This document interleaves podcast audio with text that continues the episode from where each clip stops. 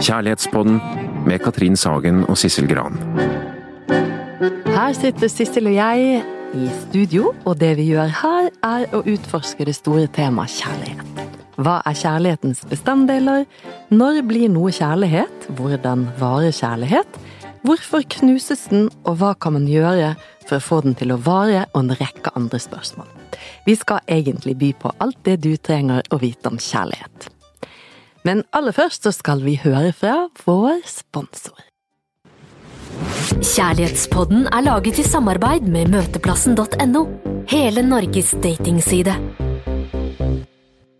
Dagens tema er et vanskelig tema. Det eh, handler om å være utro mot den man er sammen med. Altså å bryte eh, med forholdets kontrakt, for å si det sånn. Altså, og denne kontrakten handler om eh, at man ikke skal være emosjonelt eller eh, seksuelt utro mm. mot den andre. Altså man skal eh, Forholdet har en eksklusivitet. Mm. Og vi skal forsøke å belyse og forstå utroskap fra den utro partens ståsted, og det skal vi gjøre uten å dømme og uten å kaste stein. Det skal vi. Og hvis det er første gang du hører på podkasten vår nå, så er det en episode vi allerede har laget, som, hvor vi snakker om fra eh, den som har blitt bedratt sitt perspektiv. Nettopp. Ja. ja. Men i dag skal vi altså snakke om den som er utro.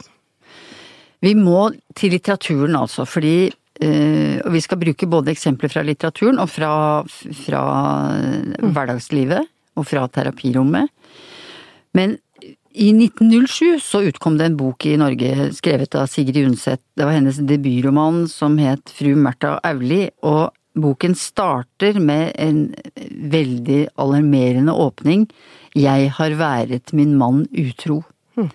Og det traff samtidens lesere som et piskeslag, rett og slett. Altså, det var jo menn som var utro på den tiden, for det meste. Som hadde elskerinner og, og som tømte seg i tjenestejenter og prostituerte, for å si det sånn. Ja. Mens koner og døtre og mødre satt på pidestaller og tilsynelatende ikke hadde seksuelle behov. Så mm. derfor så var dette absolutt sjokkerende den gangen da denne, denne boken kom. Og det er jo heller ikke noe happy end eh, i, eh, i eh, Sigrid Undsets bok. Hun straffer, altså forfatteren straffer Martha for hennes utroskap hardt. Mm. Um, for vi kan jo bare røpe hvordan det går. Altså den tvers gjennom eiegode ektemannen Otto dør av tuberkulose, og Martha skal leve resten av sitt liv med dårlig samvittighet og visshet om sitt svik. Men det som er interessant i denne boka, og som eh, på en måte da ble åpenbart den gangen, altså man samtalte om det på måter som man kanskje ikke hadde samtalt om det før, hva var det som gjorde at den prektige og skikkelige grosserefru og trebarnsmor Martha Auli ble utro med mannens venn Henrik. For lenger så er hun jo helt lykkelig med Otto, og de har det veldig bra. Otto er en kjernekar, en pålitelig og veldig ålreit mann. Men Marthas affære oppstår rett og slett av samme grunn som mange andre sånne forhold før og nå. Kjedsomhet. Uh, uoppfylte lengsler, emosjonell avstand til Otto, at hun føler at hennes identitet ikke blir bekreftet, osv. Og, og Martha og Otto lever litt sånn i hvert sitt land. Hun er hjemme med barna. Uh, han er ute i verden aktiv der med arbeid og oppgaver. Hun opplever at han ikke lenger ser henne som det mennesket hun er, og hun trekker seg gradvis unna han. Så det altså blir en avstand i ekteskapet. Men så tar tilværelsen veldig overraskende vending når hun plutselig opplever seg sett av ektemannens venn Henrik, en veldig flott mann. Og det booster selvtilliten hennes veldig, og gjennom Henriks blikk så skal vi si gjenerobrer hun sin identitet som kvinne og menneske, ikke bare som mor og kone. Og så skriver da uh, Sigrid Undset at Martha glir inn i forholdet til Henrik, et forhold som starter som en melankolsk forståelsesfull sympati, altså der Henrik gir henne det hun savner. Men hun elsker ikke Henrik. Eh, men hun elsker å være begjært, og selv begjære. Eh, og når tuberkulosen er i ferd med å innhente ektemannen Otto og livet hans ebber ut, så bebreider hun seg selv for avstanden som oppsto mellom den, og sier jeg gikk og stirret meg blind på det at Otto ikke forsto meg, det falt meg aldri inn at jeg ikke forsto ham.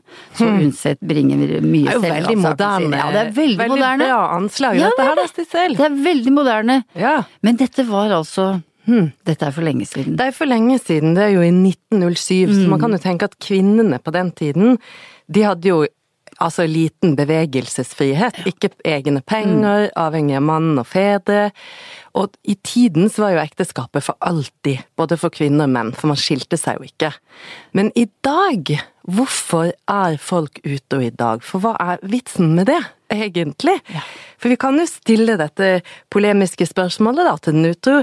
Hvorfor bytter du par, eh, ikke bare partner hvis du er utilfreds? For det er jo lov i dag, på en måte, eller mulig. Eh, man er ikke tvangsgiftet i vår, vår kultur, og skilsmisse er akseptert osv. Så, videre. så det er jo frivillig å, å leve sammen. Så i prinsippet så er det jo også enkelt å leve rakrygget og ærlig, enten ved å holde seg helt til det man frivillig har inngått i. Men For det er ingen som har tvunget en til å gifte seg, eller til å bli et par? Nei. Eller så pakke sammen og dra, hvis man Ja. trenger å bli sett. Så hva er, er det som skjer? Ja, hvorfor, hvorfor er det så viktig å være utro i dag, når du egentlig altså kan velge fritt den du vil ha? Mm, og du Man blir ikke tvangssammenføyd. Ja, det er Men i, prinsippet Altså, men livet er jo ikke prinsipielt. Og, og det vi må huske på, det er at moderne samliv, det er en rotete sak. Altså, det er en forvirrende blanding, egentlig, av følelser og forretning. For det er det. Altså, vi har Mange har felles barn, felles hjem, eh, felles materielle verdier, familiebånd og felles venner. Det er mange som sier det også når de kommer for hjelp og sier Yes, AS-et går på en måte rundt, men Så var det resten. det ikke det. Riktig. Ja. Men det er dette med plikten, da. Altså pliktfølelsen, ansvarsfølelsen, omsorgsfølelsen og en slags kjærlighetsfølelse som kommer og går. Og man kan være inderlig glad i partneren selv om, som du sier altså, selv om man kan føle et stort savn etter noe mer og noe annet i livet. Altså du kan føle deg som bestevenn. Øh, som kamerat, men ikke som elsker eller kjæreste. For mange er det et forferdelig dilemma. øh, Det er det moderne menneskets problem. Fordi altså polyamore forhold, som noen sier at det er så mange av, det er ikke så veldig mye av det. Det er Nei, veldig det at få, man har mange, det er veldig få som Mm. aksepterer det. Altså åpne forhold er også lite akseptert og praktisert. Og haremet er nedlagt. Ja. Det har vi ikke lenger, altså. Så da kan det for da det moderne mennesket et tilfeldig sidesprang, eller en kort affære, eller en eh, langvarig sånn parallellaffære, eller et parallelt forhold ved siden av det, altså det offisielle parforholdet ditt, det blir på en måte i gåseøyne en løsning for mange menn. Problemet er at fordi dette er foraktet og egentlig ikke akseptert, så må det foregå skjult, partneren din må ikke vite om det, og det dette er utroskapens regel nummer én. Den utro må aktivt lyve eller makte å kamuflere sin hemmelighet for ikke å ødelegge det offisielle parforholdet. Det er litt av en kunst, altså. Ja, og for mange og, og av dem som er utro, så er jo dette veldig vanskelig. Mm. De sliter med dårlig samvittighet og er kronisk redd eh, for å bli avslørt. Ja. Svetter ved skrekk på tanken ved å miste det de har. Ja. Selv på en måte om en affære er avsluttet, et utroskap er ferdig, Mm. så er de likevel redde hele tiden for at partneren skal finne ut at de har hatt et forhold, at finne noen spor. Eh, og hvis man da fremdeles er dette vi kaller aktivt utro, eller holder på å ha et forhold, parallelt liv, Mm. eh, så er det ofte sånn at de forteller at de lover seg selv at de skal avslutte det. Mm. Eh, nå skal jeg gjøre det, neste gang skal jeg si det, nå er- begynner å formulere brev, ikke sant. Men så er det noe med at både dette savnet, den seksuelle spenningen og bekreftelsen som de opplever med den utroskapspartneren, kan komme til å, å hekte de helt. Og så er det noe med redselen for hva som skal skje hvis man sier det. Eh, og noen forteller sånn, nei, men hvis jeg, hvis jeg på en måte slår opp, eller hva jeg skal si, med, med den man er ute med, så kan hun bli sint og avsløre meg. Så blir man avslått likevel. Ringe til eller melde konen eller mannen. Nettopp. Så de kommer ikke ut av det på en måte, men lider i det selv om det på en måte er de som utfører dette vanskelige og vonde. Riktig. Så tenker jeg, tenker ofte at den frie viljen, altså det er, det er noe oppskrytt, altså. Fordi mm, mange kan jo føle at det å velge er veldig vanskelig, ja. Og mange som er utro, det vet jo, de står ordentlig i spagaten, altså. Eh, Og lever i et sånt livsdilemma. Ehm, vil gjerne ut av det, men får det ikke til. Er redde for hva utroskapspartneren da vil finne på, eller, og også redde for å miste den personen, og veldig redde for å miste sin faste partner eller sin offisielle partner. Ehm, vi har jo snakket om det før vi gjorde det sist, at mange greier å dele livet i to, altså dele verden i to. Altså leve som i to verden i to rom. Ehm, men det krakelerer veldig ofte til slutt, eller etter en viss tid. Men en stund tror nok mange utro at de kan leve sånn lenge, men eh, så begynner de å kjenne at det er veldig vanskelig å dele verden i to. Men det er noen, vet du, som lever ganske lett, mye lettere med denne hemmeligheten. Og det vi vet er at det er noen utro som da føler at de utligner et slags regnskap ved å være utro. For eksempel hvis den utro har kjent over mange år og tenker, eller har en sånn selvforståelse som, som dette, jeg bærer dette forholdet følelsesmessig, men du, altså partneren, du ser ikke meg, du ser ikke hva jeg bidrar med, så jeg fortjener rett og slett å bli bekreftet og beundret, jeg har fortjent litt uforpliktende sex, det kan ikke være så farlig fordi jeg tar meg av og har alltid tatt meg av alt dette, i dette forholdet, så jeg, jeg, kan ta litt for meg. Så, sånn forsvarer jo noen um, det de vet er farlig for forholdet, så det er en sånn slags utligning.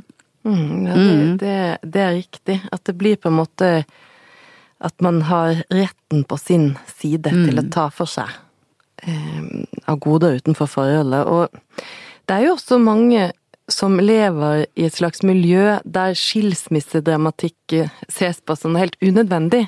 Ikke sant? Det er noe mm. med at det er litt lov i noen miljø å være utro, eller det blir ikke sett så ned på, og dermed så får man bekrefte seg litt i kameratkor eller venninnekor eller hva det måtte da være. At det er lov å ordne seg litt på et annet vis, på en måte for å, med en elsker eller elskerinne, da for å på en måte redde det stabile forholdet. Eh, og da er det på en måte en slags eh, legitimering i dette det man ikke vet, har man ikke noe vondt av. Det som skjer, det skjer. Og så er det andre som lager seg på en måte prinsipper som for eksempel å bare være utro på reise. Mm.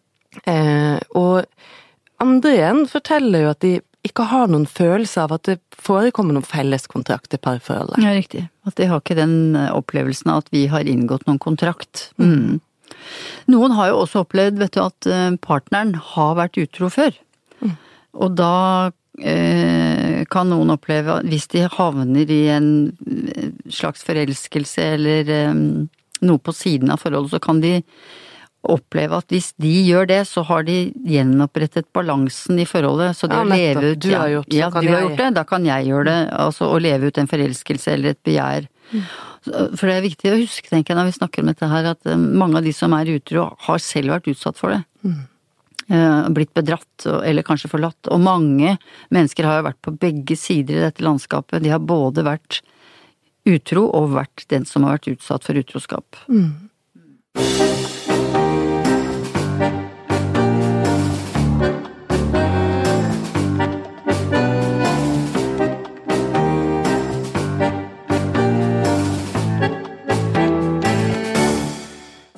En eh, eh type utroskap er jo litt spesiell, syns jeg. Eller vi må nevne det kort, for det er ikke så veldig vanlig, men det må allikevel være med.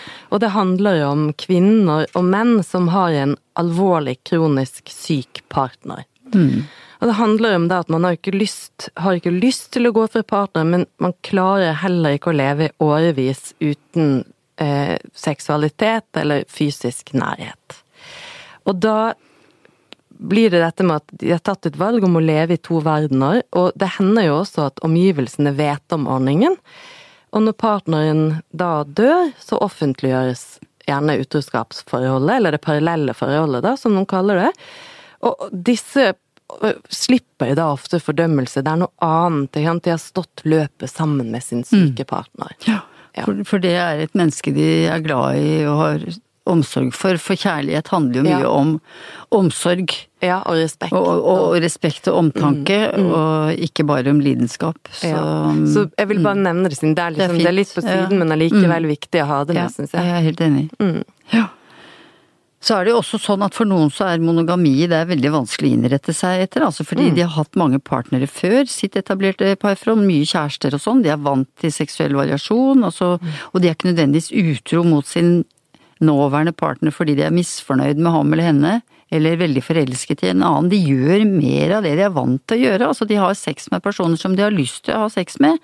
Det er ikke romantisk lengsel som driver dem egentlig, men det er den seksuelle lysten på den andre, altså på andre som de treffer. Noen kan Altså, eh, som jeg snakket med en i går som sa at han, eh, altså, han en kamerat, han, han kunne treffe en dame på eh, i, altså, så kunne det bli sex i krattet, liksom, og stor Mange begeistring. som er misunnelige på hans eh, Mange tiltrekningskraft. Ja, tenker virkelig. Nei, men huff, men hva er det? Er dette, er dette litt sånn grenseløshet, dette her, da? Eller, eller sånn evne til å ikke si nei til seg selv, eller dårlig disiplin? At man er for biologisk styrt, eller ikke tøyler begjæret, på en måte? Ja, at man er mer dyr, liksom, enn ja. en, Ja. Eh, enn et menneske som At ikke cortex er med? Mm, At ikke cortex er med, ja. Ah. ja. At det er kjertlene som styrer. Ja. Mhm, ja.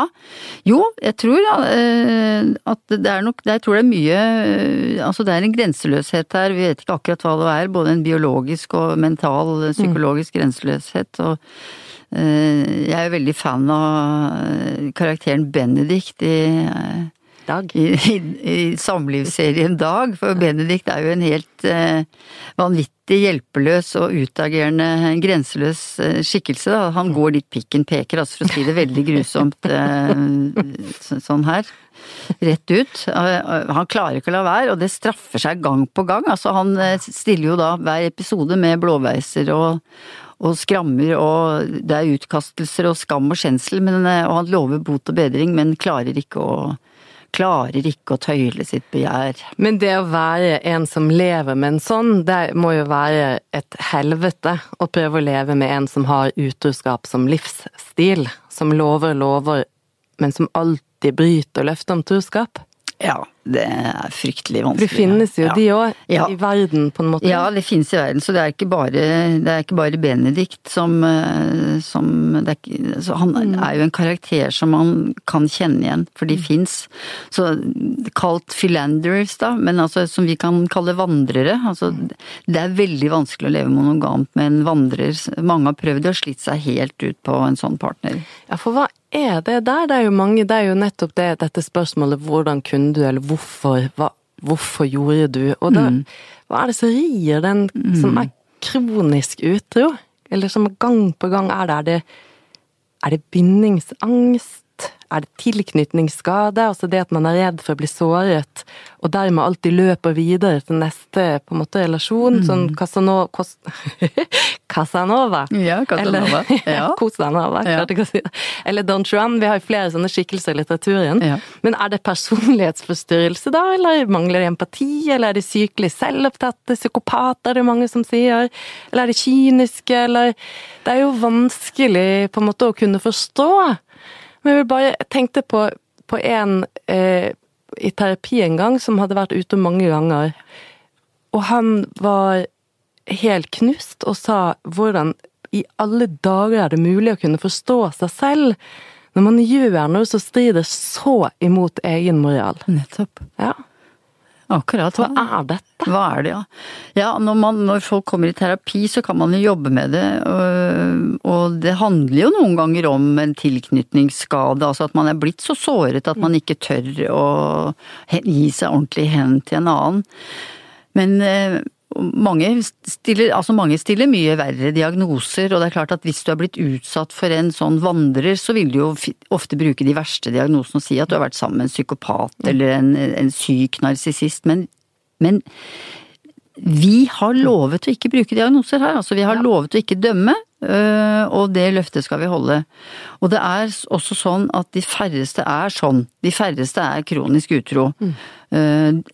De er kanskje utro én gang i sitt liv med en episode eller en kort affære eller et utroskapsforhold, og de færreste planlegger å være utro. De ramler inn i det, rett og slett. Øh, Det er sjelden at det er kald beregning.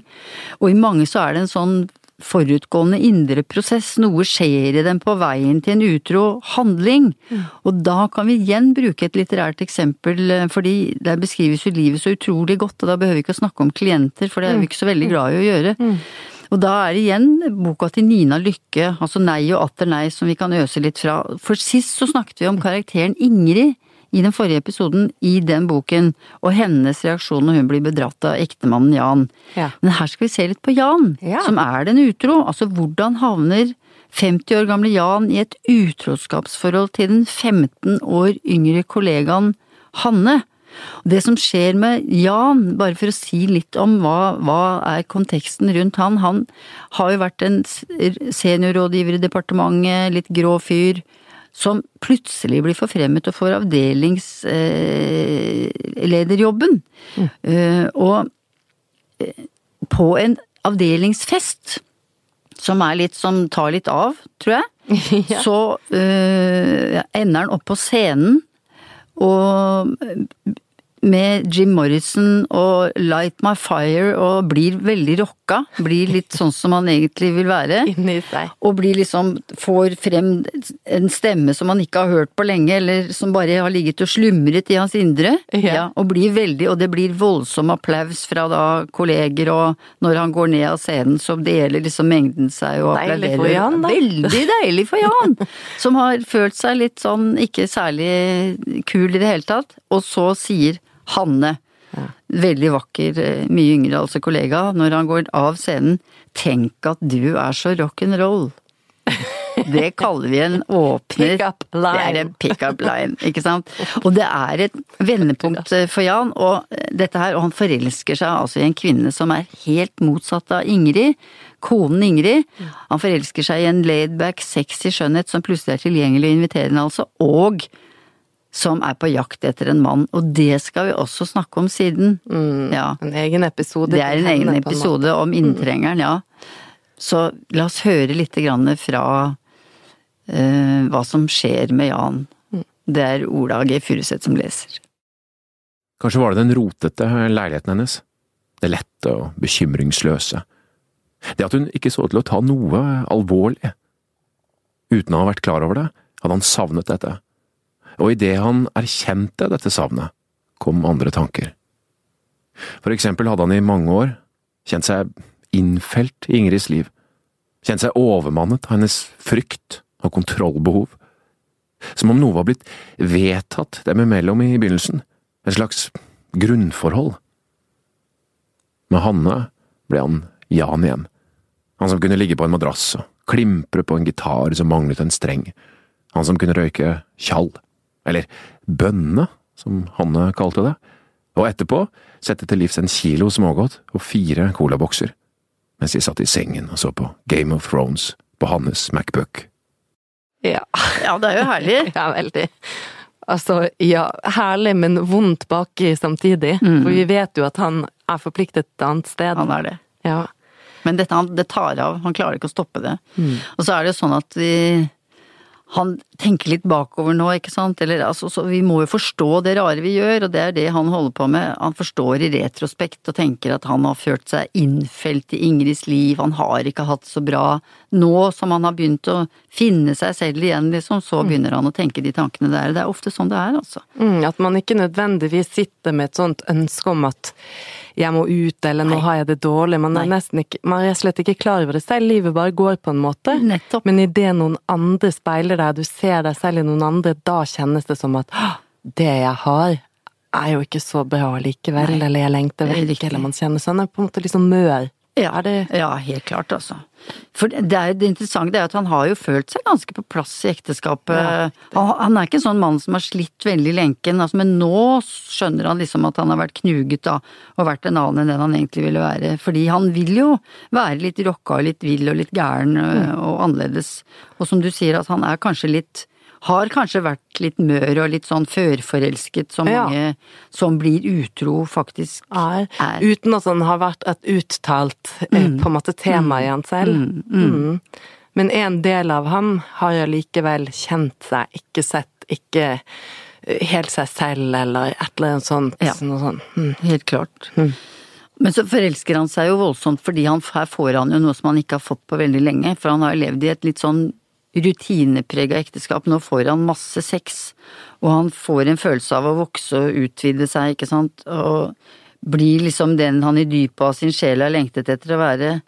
Men det vi må avsløre, da, det er jo at dette blir jo ikke en varig følelse, for det går ikke bra dette her. Fordi denne forfatteren gjør det samme som Sigrid Undset. Hun straffer både Jan og Hanne på veldig diabolsk eh, vis, altså. Ja, Fordi forfattere er neimen ikke nådige mot de utro. Når vi nå har lest gjennom en del, gått gjennom en del bøker som handler om det, så får de smake pisken, altså. Mm. Vi må jo ikke røpe hvordan det går, eh, fordi eh, vi skal faktisk snakke litt om Hanne i, i en annen episode, altså om inntrengeren, ja. Men um, de som har lyst til å vite hvordan dette går, Ja, for det er jo ganske spennende, det er ganske spennende, de får bare pelle seg til bokhandelen og kjøpe en Ina Lykkes bok.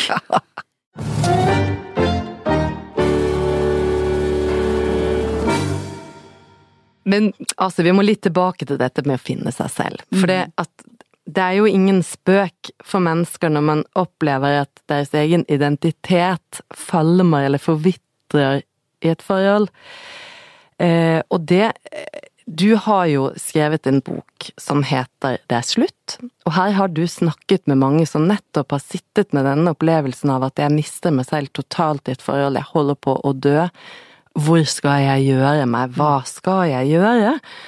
Eh, og eh, mange som er utro Ja, så jeg vil egentlig Kanskje vi må snakke litt om det, nettopp i og med at du Ja. har, sitter på masse direkteinformasjon om dette. Ja, Hvordan de har ja, det. Nettopp, ja.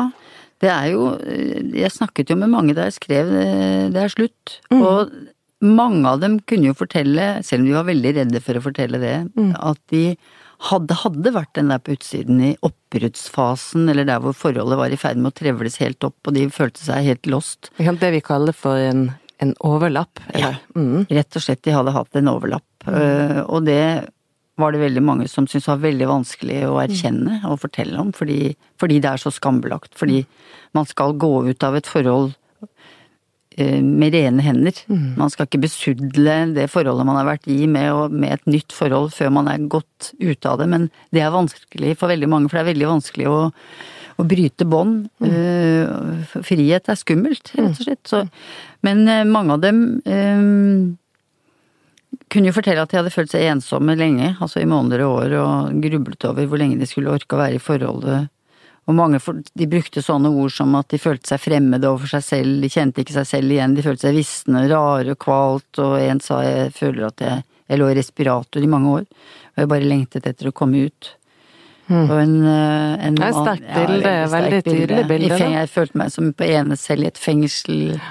Jeg følte meg som på en øde øy, og sånne ting som gjør at du eh, At du trekkes ut av forholdet, rett og slett. Og dette er jo da en følelse noen sitter med i et forhold. Ja. ja. Igjen, rett og slett. Og det var med på å ta dem ut av forholdet og lete, ikke nødvendigvis alltid aktivt, men, men eh, bli opptatt av en annen. Mm, Bli, bli, kroppen blir mør, man blir førforelsket Ja. enten man vil eller ei. Det er akkurat det.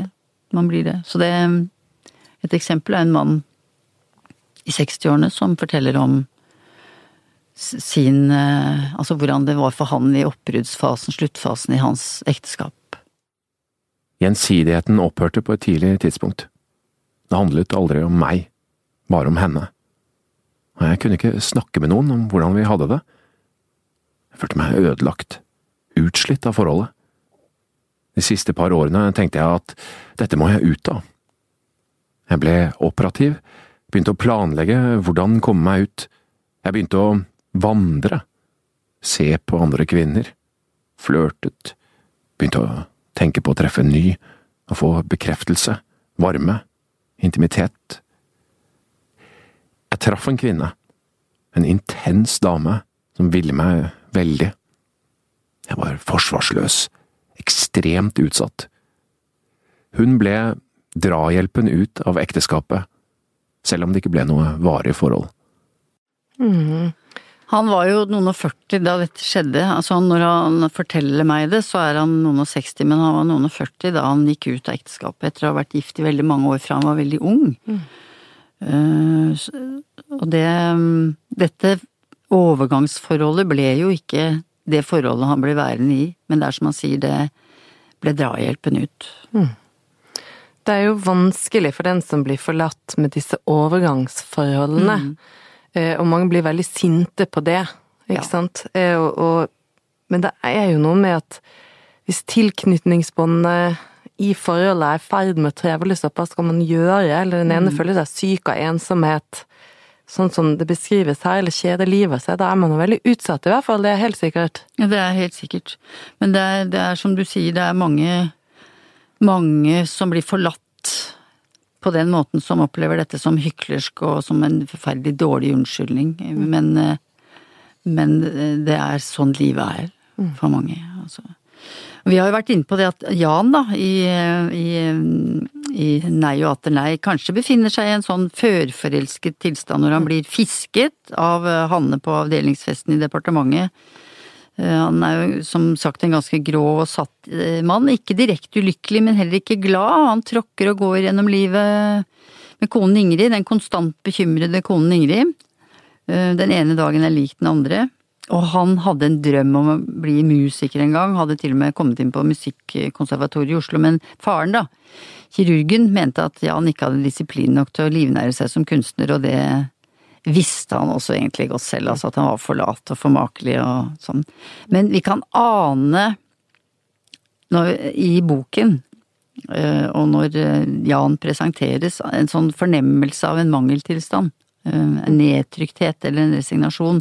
Og det er nettopp sånne tilstander som gjør oss så påvirkelige. Og, og åpne for en forelskelse. Men det er veldig skremmende å hengi seg til noe nytt. Um, og farlig.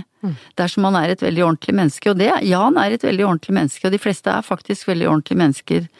Uh, Så for å våge et sånt sprang, altså gå inn i et utroskapsforhold, uh, så må man være disponert for det, sier en, en kjærlighetsteoretiker, sosiolog som heter Francesco Alberoni. Han beskriver denne disposisjonen i en bok som heter Forelskelse og kjærlighet, som er ganske morsom. Altså, han sier at um, forelskelse springer ut av en depressiv overbelastning, som igjen skyldes en manglende mulighet til å finne noe av verdi i den daglige tilværelse, altså sammen med den du er sammen med, eller i det livet du lever av.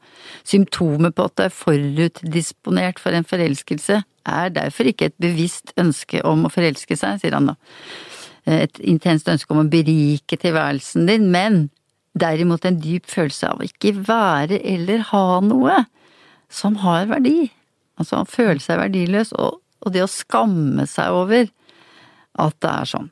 Og det, sier han, er det første tegnet på at det er en forelskelsesfølelse i gang. Følelsen av å være uten betydning, og skammen over egen betydningsløshet.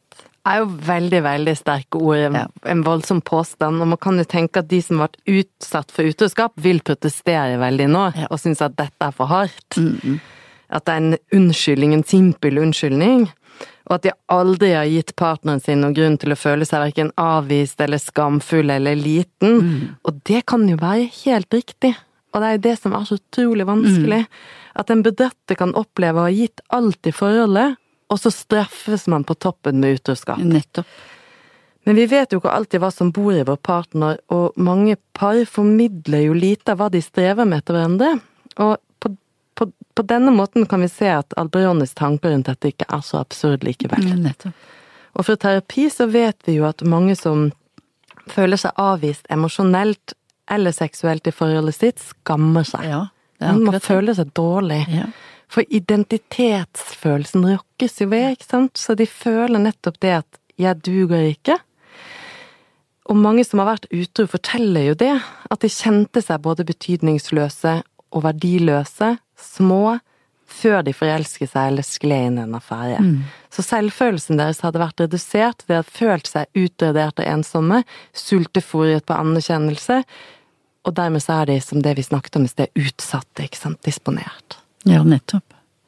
Ja, for det er ikke uvanlige historier, altså. Og det, det skal veldig lite til for å sette liksom fyr på oss dersom vi har nådd det som Alberoni kaller for en eh, tenningstilstand, da. Mm. Og da skal det ikke så mye til. Altså et smil fra en fremmed eh, på en kafé, eller flørt med kollega på fest, eller du treffer en eh, Bjarne på skolejubileumsfesten som sier at å, ja, du er jo akkurat den samme jenta som du var for 20 år siden, skal ikke vi ta en kaffe?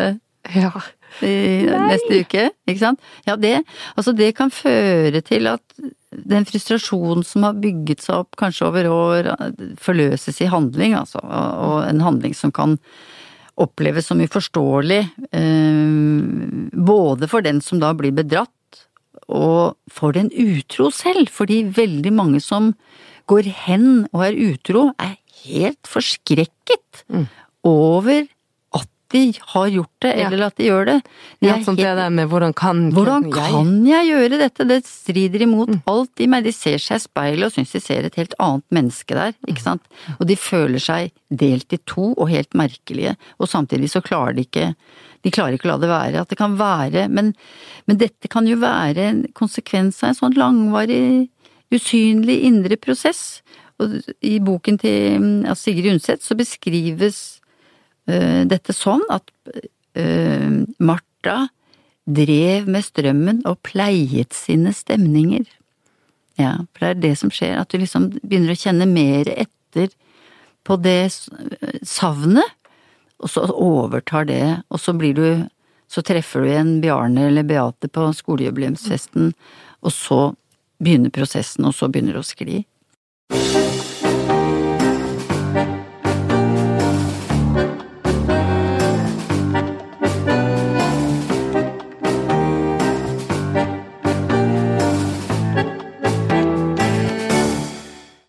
En annen kvinne som pleier sine stemninger, er jo Emma Bovary i Madame Bovary av Gustave Flaubert, en ny bok, gammel bok.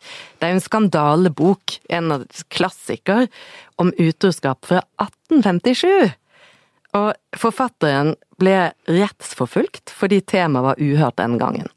Og Emma er gift med Charles Bovary, en ung landsbylege, en ikke så veldig åndfull mann, kan man si, og han beundrer konen sin grenseløst. Altså, han elsker henne, men han er ikke sånn kjempelur på noen områder, og han skjønner henne ikke så veldig, skjønner ikke så mye av henne. Og Emma selv, hun lever et kjedelig, ørkesløst liv. Hun har ikke noe viktig å gjøre. Hun, øh, og det er jo sånn situasjonen var for mange kvinner den gangen. Så hun mister da etter hvert respekten for mannen sin. Hun synes han er uten ambisjoner, at han er bondsk, og hun føler at livet er meningsløst og tomt. Men i dypet av sin sjel ventet hun på at noe skulle skje. Som en sjømann i havsnød gransket hun sitt livs ensomhet med fortvilte øyne, lette etter et hvitt seil blant horisontens tåkeskyer.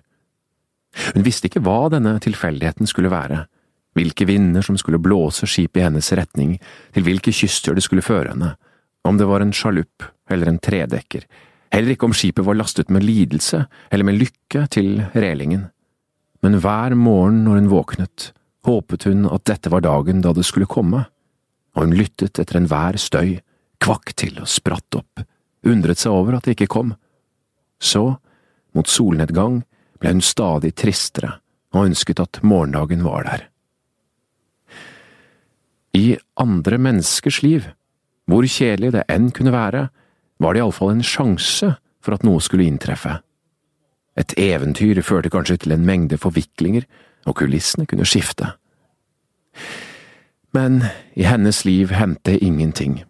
Det var Guds vilje. Fremtiden var en lang, mørk gang, og for enden av den var det en lukket dør. Det er jo så tungt. Det er veldig tungt, altså.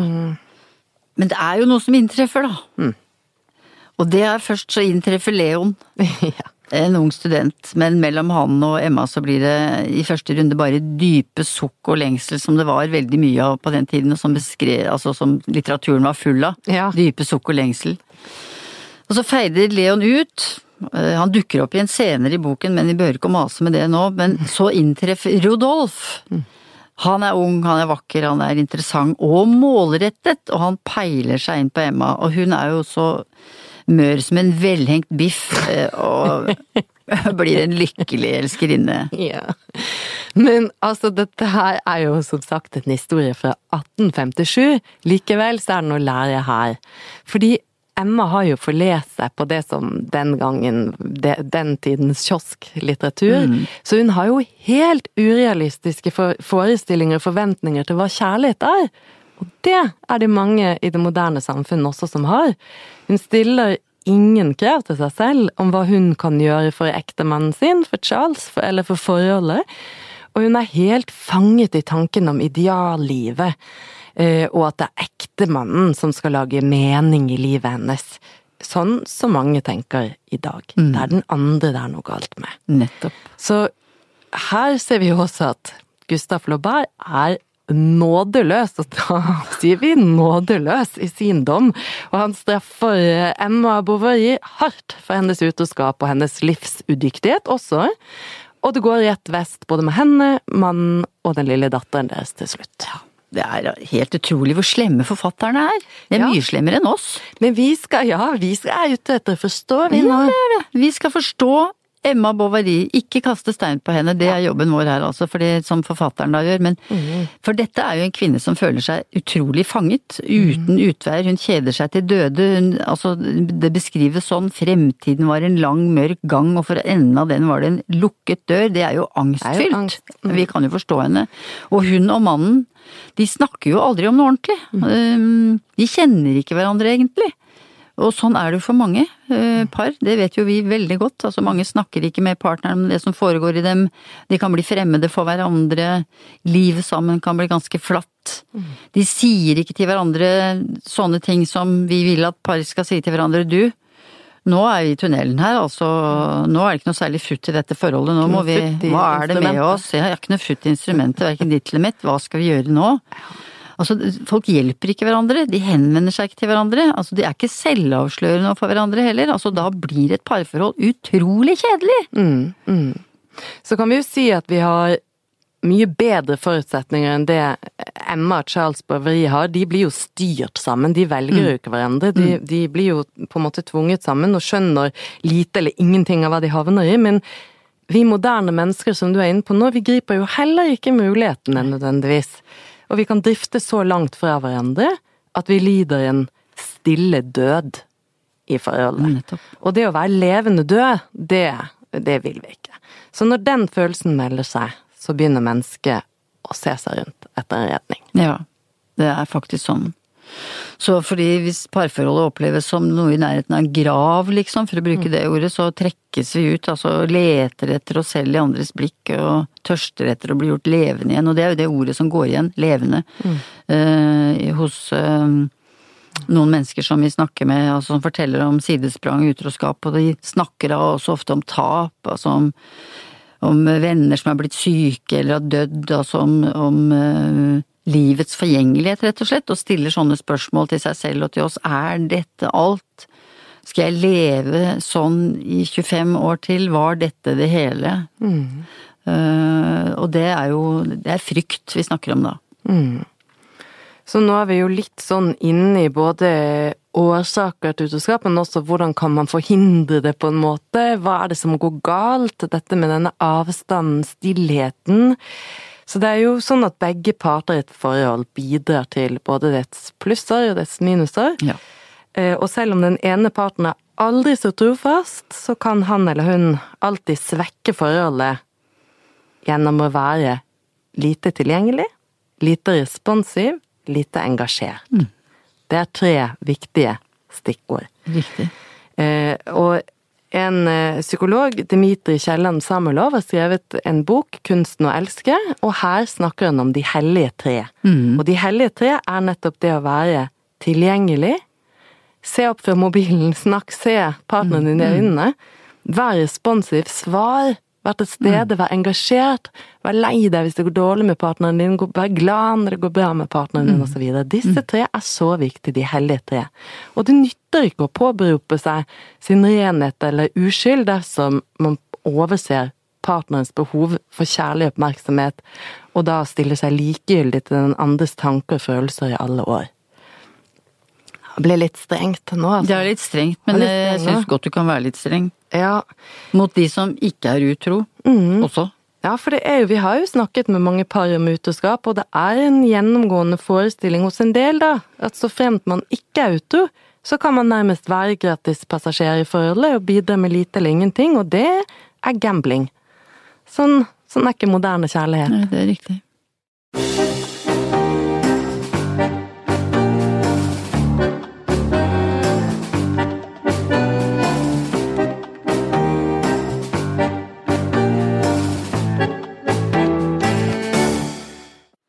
Men så er det dette med tid, altså, Katrin. Um, For alt kan jo være ganske bra i et forhold, rett og slett. Et par kan ha det hyggelig sammen, de kan til og med ha litt sex i ny og ne, men de har kanskje vært sammen lenge, de har vært et par lenge. Og det har vi jo sett noen ganger, par kan ha gjort alt riktig, altså. Og så går den ene hen og er utro allikevel. For det handler også om dette at vi kan bli fortvilet ved tanken på er dette alt er dette alt jeg får, og tiden går. For, og noen får jo panikk, og har rett og slett en sånn panikkaffære. Ja, det er riktig. Panikk kan jo få oss til å gjøre helt vanvittig. Mm.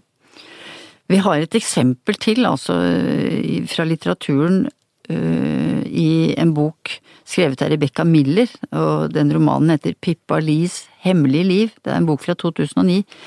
Og den er interessant, altså, for der møter vi 50 år gamle Pippa, som har flyttet da med sin 80 år gamle forleggermann, Herb, Ja, litt aldersforskjell. Veldig aldersforskjell. De har vært sammen veldig lenge. eh, gift i mange år. De har flyttet sammen til et boligområde for velstående eldre. eh, sånn som det finnes antageligvis i USA. Men Pippa føler seg fremmedgjort i dette samfunnet med gåstoler og hvite tennissko og bukser med strikk i liv og pastellfargede topper og sånn. Hun syns egentlig at alderdom er skremmende og frastøtende. Hun frykter den. Og det er klart at vi får vite, vi skjønner etter hvert, at Herb, mannen, 80-åringen, har fanget opp frykten hennes. Så er det altså ikke Pippa som er utro, men det er rett og slett Herb som er utro med en yngre kvinne, og Pippa tar dem på fersken. Hvor lenge har dette pågått? Spurte Pippa. Siden en stund etter at vi flyttet hit. Herb sukket. Jeg mente det bare som en episode, Pippa, men eh, det, det er ikke det. Jeg vet at det er grusomt for deg. Jeg, vil at du skal ha pengene. Du, du fortjener alt sammen. Behold pengene. Du har tenkt å gifte deg med henne? Du, jeg vet ikke. Det er latterlig i min alder. Jeg vil bare leve, Pippa. Jeg har rett til å leve. De siste årene har du drevet og begravd meg. Jeg kjenner jordsmaken i munnen. Nesten som om du gleder deg. Hvordan kan du si det? Du har alltid sagt at du syns alderdom er vemmelig. Hvorfor skulle jeg være noe unntak? Jeg merker at du begynner å synes synd på meg, og være redd for meg. Du sørger allerede, innrøm det. Ja, jeg er redd for at du skal bli gammel og dø. Det er normalt å være redd. Jeg vil ikke være normal, og jeg vil ikke sørges over. Jeg er ikke noe gjenferd, jeg vil leve. Ingen vet når de skal dø. Du kan dø i morgen. Jeg vil leve. Du får meg til å føle meg som en gammel mann, for faen. Herb, sa hun med tonløs stemme. Herb, du er en gammel mann. Ja, dette her er jo grusomt. Altså, eller dette handler jo rett og slett om at utroskap kan være en slags motgift mot døden. Ja. Hans affære med en annen kvinne blir da, eller er, en flukt fra døden. Flukt vekk fra Pippas bekymrede granskring av hans nedbrytningsprosess. Ja, jeg tror vi kan si det sånn. Eh, og dette snakker mange om. Eh, og det er skrevet en del om det, faktisk, så det er, det er interessant. Altså, det er jo et litt malplassert eksempel, kanskje, altså for verken pensjonistlandsbyer eller 30 års aldersforskjell er vanlig kost, og slett ikke det at det er en 80-åring altså, som mm. har en affære. Men denne mannens beskrivelse eh, av følelsen av å miste seg selv sammen med Pippa konen er relevant, altså, og uavhengig av alder. Og denne historien gir oss jo også en annerledes inngang til utroskap enn hva den mer vanlige, lineære forklaringen gjør, som i han eller hun var utro, derfor gikk forholdet i stykker. Mm. At det var årsaken? Årsaken, mm. ja, ikke sant, nettopp. Fordi at siden utroskap betyr slutten for mange forhold, og dermed så betraktes det også som en sannhet at utroskap er en av de vanligste årsakene til samlivsbrudd. Men saken er jo mer sammensatt enn det. Ja, det er det. For vi vet jo at det er årsaken til mange brudd, men det er, det, det er, det er ikke så enkelt. Det kan ikke forklares så enkelt. Mm. Vi har jo snakket med mange som har vært utro, men de færreste er jo kroniske vandrere, som vi har vært inne på. De fleste har tvert imot vært trofaste mot partneren i alle år, og overbevist monogame i grunnholdningen sin. Så den dagen de allikevel krysser en grense og gjør dette som de aldri hadde forestilt seg at de skulle gjøre, så de vet at det er forræderi. Altså at det vil kunne være traumatisk for partneren å få vite det, det setter forholdet i fare, men så gjør de det allikevel, og, og det er komplisert å forstå hvorfor noen ganger. Mm. Og hvorfor gjør de det? Mm.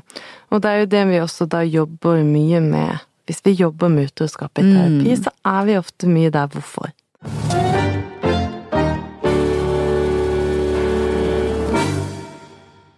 Utroskap springer jo ofte ut av en lengsel etter vitalitet, frihet, seksuell intensitet og ønske om å gjenvinne de delene av seg selv som man har mistet på veien. Mm. Og det, det, er ikke nødvendigvis det forholdet man lever i som er dårlig, men følelsen av å bli en man ikke vil være sammen med partneren, av å bli matt i pelsen, altså. Miste gløden ja. sammen med den andre. Ja, det er akkurat det. Nettopp. Så det betyr at vi kan si at noen ganger handler det rett og slett om at en utro ikke egentlig leter etter en annen, men den utro leter etter seg selv. Ja, helt riktig. Uh, mange utro vil jo ikke ut av sitt parforhold, de vil hjem igjen. Mm. De fant ikke seg selv der igjen, der ute på utsiden likevel, men tvert imot så kjente de at de mistet seg selv etter hvert. Uten partneren, uten familien, uten hverdagene og felles ritualer, og det ble angstfylt. Og så vil de begynne på nytt, og det er jo en krevende prosess. Og det er det vi skal snakke om neste gang. Ja. Det er viktig å huske på at det er mange som har vært utsatt for utroskap, som slett ikke vil ha tilbake partneren. Partneren har vært på utsiden for å finne seg selv, men fant ikke seg selv, og vil hjem igjen hvor eh, han eller hun kjenner at man egentlig hører hjemme, men den som har vært utsatt for utroskapen, um, orker ikke. Mm -hmm. Og sier takk for seg. Og det, eh, hvordan skal man komme over utroskap? Se, det er også noe vi må snakke om mm. uh, i en neste episode. Mm. Men Eh, det vi skal legge mest vekt på kanskje neste gang, det er går det an å reparere? Å reparere det. Er det håp etter at det har vært utroskap? Kan man reparere skadene mhm. etter utroskap? Ja. Og vi har jo også fått et brev fra en mann eh, som har hørt på den forrige episoden som handler om utroskap fra den bedrettes ståsted. Så han skriver inn til oss, og jeg har Jeg syns vi skal lese det. Han skriver Hei! Har hørt på podkasten om utroskap og kjente meg godt igjen. Jeg er den som har vært utro i forholdet. Etter å ha vært gift i nesten 30 år, var jeg utro i en tre ukers periode for to år siden. Min kone og jeg hadde da gradvis glidd mer og mer fra hverandre flere år. Da utroskapen ble oppdaget, fornektet jeg deler av utroskapen i ytterligere mange måneder. Jeg sa at vi kun hadde truffet hverandre, men benektet at vi hadde hatt sex. Jeg overbeviste meg selv om at det bare ville gjøre ytterligere skade og legge alle kortene på bordet. At skaden allerede hadde skjedd. Ønsket kun å fortsette samlivet med min kone og ville bare glemme alt sammen. Min kone ga seg imidlertid ikke, og til slutt så fortalte jeg alt. Samlivet har siden den gang svingt fra å ha det bedre enn noen gang til å ha det helt forferdelig. Jeg kjenner igjen det om at løgnen er det verste for henne. At hun føler at hun aldri kan ha tillit til meg igjen, og at hun føler at hele livet har vært bortkastet. Det svinger fra varm kjærlighet til glødende hat. Jeg angrer veldig på det jeg har gjort. Går hver eneste dag med en vond klump i magen. Vet at jeg har sviktet både mine nærmeste og slik jeg selv mener man skal være. Det finnes ingen unnskyldning for det jeg har gjort. Likevel må jeg prøve å leve videre. Prøver alt for å redde ekteskapet, og føler mer kjærlighet til min kone enn noen gang. Det som er rart, er på gode dager har vi det bedre enn noensinne. Hørte at neste episode av podkasten skulle være sett fra min side, ønsket derfor å komme med noen tanker og følelser. Mann 53. Dette her er eh, noe, en historie vi har hørt mange ganger. Uh, hans situasjon er ikke spesiell. Den er ganske vanlig når man har vært utsatt for utroskap, eller når man skal forsøke å reparere etter en utroskap. Fordi følelsene kan bli så intense, så det kan bli fantastisk innimellom, og så kommer frykten, og så kommer desperasjonen. Så det vi gjør når vi jobber med eh, denne type problemer i parterapi, det er jo at vi noen ganger må drive rene eksorsismen, vet du. Mm. Vi må drive ut utroskapspartneren, mm. og det kan ta tid. Og det er det vi skal inn i når vi skal snakke om dette i neste episode. Så vil vi takke ut til alle som har hørt på, og følg oss gjerne på Facebook eller Instagram. Eh, lik oss på iTunes, eller send brev eller kommentar Ikke brev, send mail eller send kommentarer. Mail. Brev med, med, brev med frimerke. Nei, ikke frimerke. Kjærlighetspodden er laget i samarbeid med møteplassen.no. Trygg og seriøs dating på nett.